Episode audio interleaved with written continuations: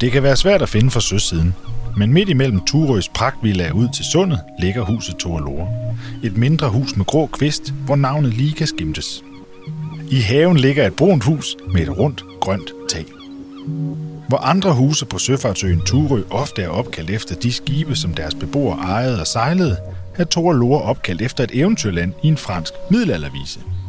Det afslører, at beboerne var noget for sig, nemlig forfatterparet Sofus og Karen Michaelis, der opførte huset i 1908. Karen og Sofus blev gift i 1895, men skilt i 1911. Karen beholdt huset og havde samtidig Bergman Hus inde i Turø by. Karens forfatterskab er måske ikke så kendt i dag, men hun var en af de største stjerner på den litterære himmel i starten af 1900-tallet.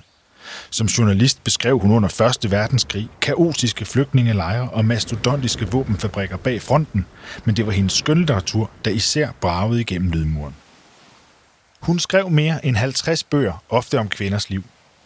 I 1910 udgav hun bestselleren Det farlige alder om en 42-årig fraskilt kvindes erotiske længsler. Det var jo uhørt. En bog om kvindelig seksualitet, og så hos en fraskilt en af slagsen.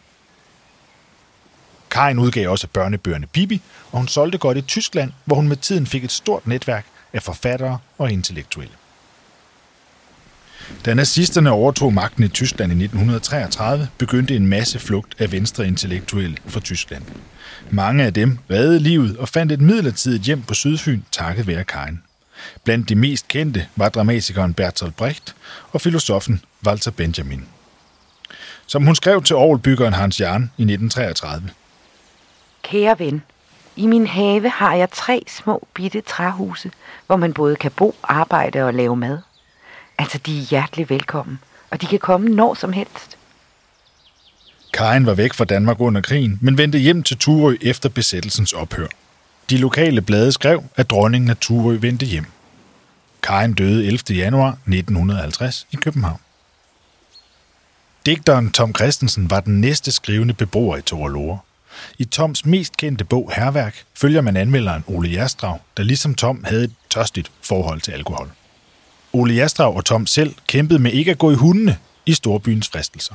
Her spillede Turø og en sydfynsk kvinde en særlig rolle som redningsplanke. Tom blev gift med Ingeborg Weber, kaldet Bosse, der stammede fra den slægt, der byggede de store villaer i Gammel Hestehave. Hun ejede æblehuset i Græsten på Turø, hvor til hende og Tom flyttede hen, inden de flyttede ind i Torlore i 1952.